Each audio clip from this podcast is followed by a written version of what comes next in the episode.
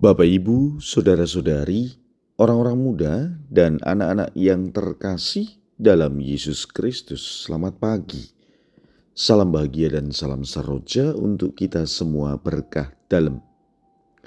Bersama dengan saya, Romantonius Garbito Pambuaji, menyampaikan salam dan berkat Allah yang Maha Kuasa dalam nama Bapa dan Putra dan Roh Kudus. Amin. Hari ini Jumat 25 Agustus dalam hari biasa pekan biasa ke-20. Bacaan pertama dalam liturgi hari ini diambil dari kitab Rut bab 1 ayat 1 dilanjutkan 3 sampai dengan 6, 14b sampai dengan 16 dan ayat 22. Bacaan Injil diambil dari Injil Matius bab 22 ayat 34 sampai dengan 40. Ketika orang-orang Farisi mendengar bahwa Yesus telah membungkam orang-orang Saduki, berkumpullah mereka. Seorang dari antaranya, seorang ahli Taurat, bertanya kepada Yesus untuk mencobai dia. Guru, hukum manakah yang terbesar dalam hukum Taurat? Yesus menjawab, Kasihlah Tuhan Allahmu dengan segenap hatimu, dengan segenap jiwamu dan dengan segenap akal budimu. Itulah hukum yang utama dan yang pertama. Dan hukum yang kedua yang sama dengan itu ialah kasihlah sama manusia seperti dirimu sendiri. Pada kedua hukum inilah tergantung seluruh hukum Taurat dan kitab para nabi. Demikianlah sabda Tuhan. Terpujilah Kristus.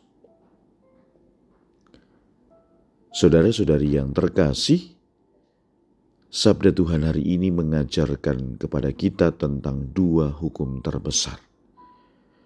Mengasihi Tuhan dengan sepenuh hati, jiwa, dan pikiran, serta mengasihi sesama manusia seperti diri sendiri.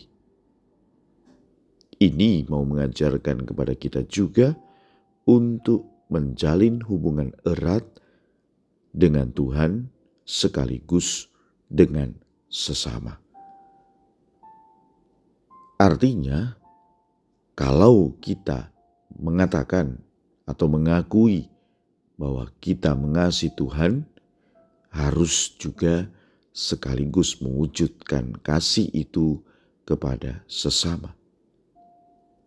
Dalam kehidupan sehari-hari, prinsip ini mengingatkan kita bahwa cinta kepada Tuhan tidak hanya tentang rutinitas agama, namun juga tentang merasakan kehadirannya dalam setiap aspek kehidupan kita, termasuk di dalamnya adalah relasi dengan sesama.